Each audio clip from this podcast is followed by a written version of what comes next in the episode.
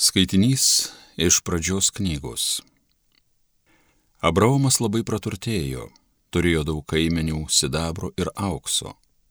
Ir Lotas keliavęs kartu su Abraomu taip pat turėjo avių ir oškų, galvijų ir palapinių. Tad kraštas jiems darėsi ankštas gyventi šalia vienas kito. Mat jų nuosavybė taip padidėjo, jog juodo negalėjo kartu įsikurti. Iškildavo ginčių tarp Abraomo ir Loto kaiminių ganovų.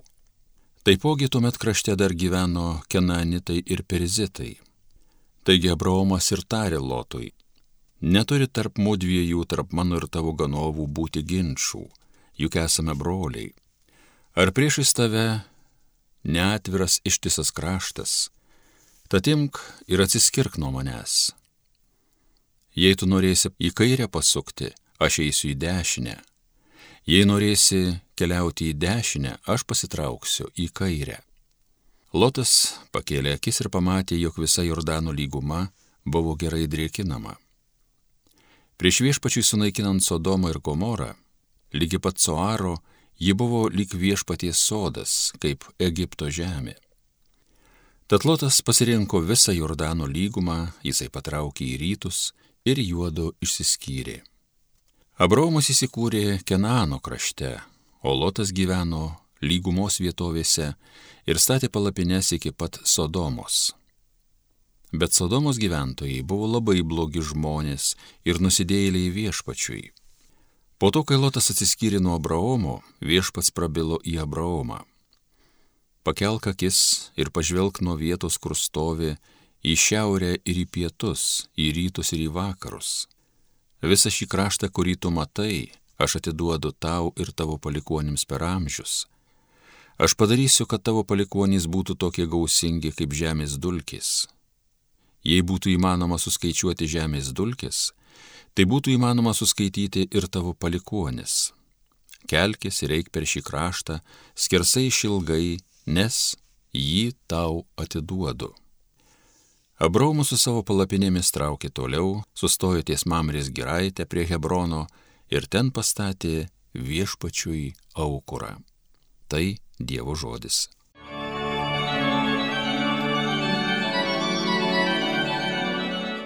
Viešpatie, kasgi galės tavo namuos pasilikti? Tasai, kas nesuteptas vaikšto, kas elgės teisingai, kas iš širdies kalba tiesą, kas neliežuvių nei vieno nešmeižia. Viešpatie, kasgi galės tavo namuos pasilikti? kas kitam nieko piktą nedaro, neužgaulioja kaimyno, kas griežtai nedorėlį smerkia, o viešpaties bijančius gerbė. Viešpatie, kasgi galės tavo namuos pasilikti? Kas be palūkanų skolina, nepriima kyšių prie žmogų nekaltą, kas šitai poselgės, bus tvirtas per amžius. Viešpatie, kasgi galės tavo namuos pasilikti? Alleluja.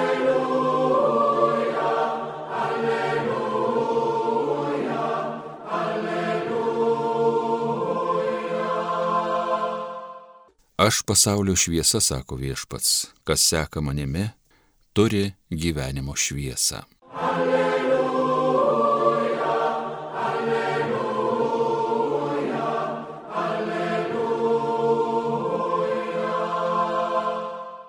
Iš Šventojios Evangelijos pagal Matą. Jėzus bylojo savo mokiniams, neduokite, kas šventa šunims ir nebarstykite savo perlų keulėms, kad kartais jų nesutryptų ir apsigręžusios jūsų pačių nesudraskytų. Visa, ko norite, kad jums darytų žmonės ir jūs patys jiems darykite, nes tai ir yra įstatymas ir pranašai. Įeikite pro ankštus vartus, nes erdvus vartai ir platus kelias į pražūtį ir daug juo einančių. Kokie ankšti vartai ir koks siauras kelias į gyvenimą. Tik nedaugelis jį atranda.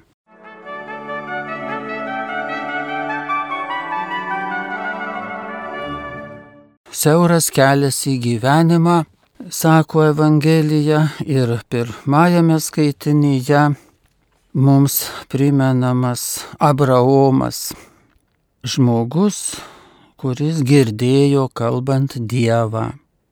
Kodėl Abraomui Dievas galėjo kalbėti, kodėl Abraomas galėjo jį išgirsti, galime sakyti dėl to, kad Abraomas buvo nutilęs, buvo pripildęs tylos savo būtį, savo gyvenimą.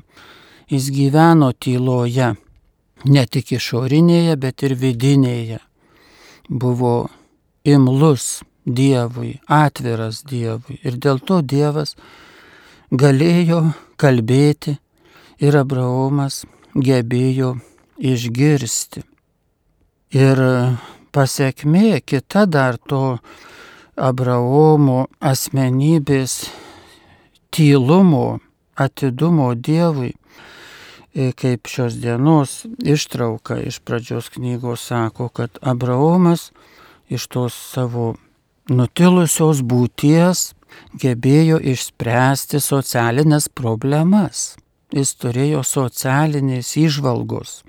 Nes kai atsirado nesutarimai tarp jo ir Loto tarnų, Abraomas neliko abejingas ir, ir ne tos problemos kaip nors nenumuilino, nenusigręžė nuo jos ir neskėščiojo rankomis, kad ką čia dabar padarysi, bet jis rado išeitį ir pasiūlė Lotui, ką jiems daryti. Ir iš tikrųjų tai yra dėsninga, nutilusi asmenybė randa socialinių išvalgų ir socialinių problemų sprendimų kelius. Bet dar kas įdomu šitame skaitinyje, kad kalbama apie Abraomo palikonis. Ir kaip mes sakome, visi tikintieji yra Abraomo palikonys. Bet šiandieną galėtume sakyti visi, kurie geba nutilti, geba pripildyti tylos savo būtį. Tie yra Abraomo palikonys. Prancūziškoje Šveicarijos dalyje Gronšon vietovėje, mums žinoma, ekumeninė moterų bendruomenė. Kadangi ekumeninė, tai labiau protestantiška iš tikrųjų galėtume sakyti, tai ji neturi švenčiausio sakramento tokioje pozicijoje kaip katalikų vienuolynai. Ir tada kas sudaro Gronšon bendruomenės tą tokį sakralią aplinką, ugdančią aplinką, tai tylos, sakytume, tylos sakramentas, tam tikras tylumas. Net atvykusius žmonės, kurie veržiasi pabūti tos bendruomenės aplinkoje, panardina vienuolis pakviečia pabūti tyloje, nekalbėti be reikalo, nekalbant jau apie visokias muzikas ar, ar, ar klausymusis kokių informacinių žinių ar ko nors, tiesiog panirti į dieviškąją tylą, pabūti gydančioje tyloje, tyloje, kurioje Dievas kalba kad Dievas yra nuolatos kalbantis, tai mums sako Švento Jono Evangelija, perteikdama Jėzaus žodžius, tiesos dvasia toliau liūdys apie mane, Dievo dvasia liūdija. Per visą žmonijos istoriją yra išorinė tyla ir vidinė tyla išorinė tyla, mokomis jos, ją branginti. Šiandien kalbama apie triukšmo taršą. Tarša ne tik numesti šiukšlės, bet ir numesti triukšmą, generuoti triukšmą, paleisti garsiakalbius aikštėse ar gatvėse. Ir tai yra tarša Ir vis labiau ir labiau mūsų visuomenė taip pat ima suprasti tą triukšmo taršos problemą, nes žmogui negera būti triukšme. Taigi yra galim sakyti, kaip yra išorinė tyla, kuri veda į tikrą vidinę tylą. Taip ir yra ne tik išorinis triukšmas, bet vidinis triukšmas, kuris persikelia iš išorės į mūsų vidų. Ir tas vidinis triukšmas neleidžia mums išgirsti, ką liūdėja Dievo dvasia. Taigi ir pabaigai, jeigu mes iš tikrųjų norime, norime to, to titulo, kad esame Abraomo palikonys tai iš tikrųjų jo dvasios palikuonys, jo tikėjimo, bet ir jo nutilimo, jo suklusimo. Ne tik tokio epizodinio, bet visos būties gyventi suklusus atviram Dievui, klausytis, ką jis byloja. Tai ir ši vidinė mūsų tyla po to, kai, kai mes puoselėm išorinę tylą. Ta išorinė tyla sudaro sąlygas mumyse rastis vidiniai tylai, vidiniam atidumui, Dievo žodžiui. Ir ši vidinė tyla, ji padaro, turbūt galim sakyti, tris dalykus. Tai apvalo mus nuo to triukšmo vidinio, ir gydo. Antra, ta vidinė tyla ugdo ir moko, nes mes girdime kokiu nors būdu arba suprantame, ką Dievas yra pasakęs. Ir trečia, mums teikia įžvalgos, kurios kitų atveju triukšme mes nerandame.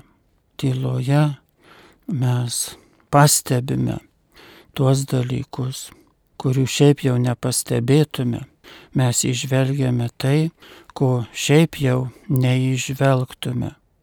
Štai dėl ko mums verta prisiminti Abraomą. Ir ne tik jį, bet kad ir mes esame pašaukti būti jo palikonėmis, jo gyvenimo nuostatų, jo dvasios palikonėmis, jo mokiniais.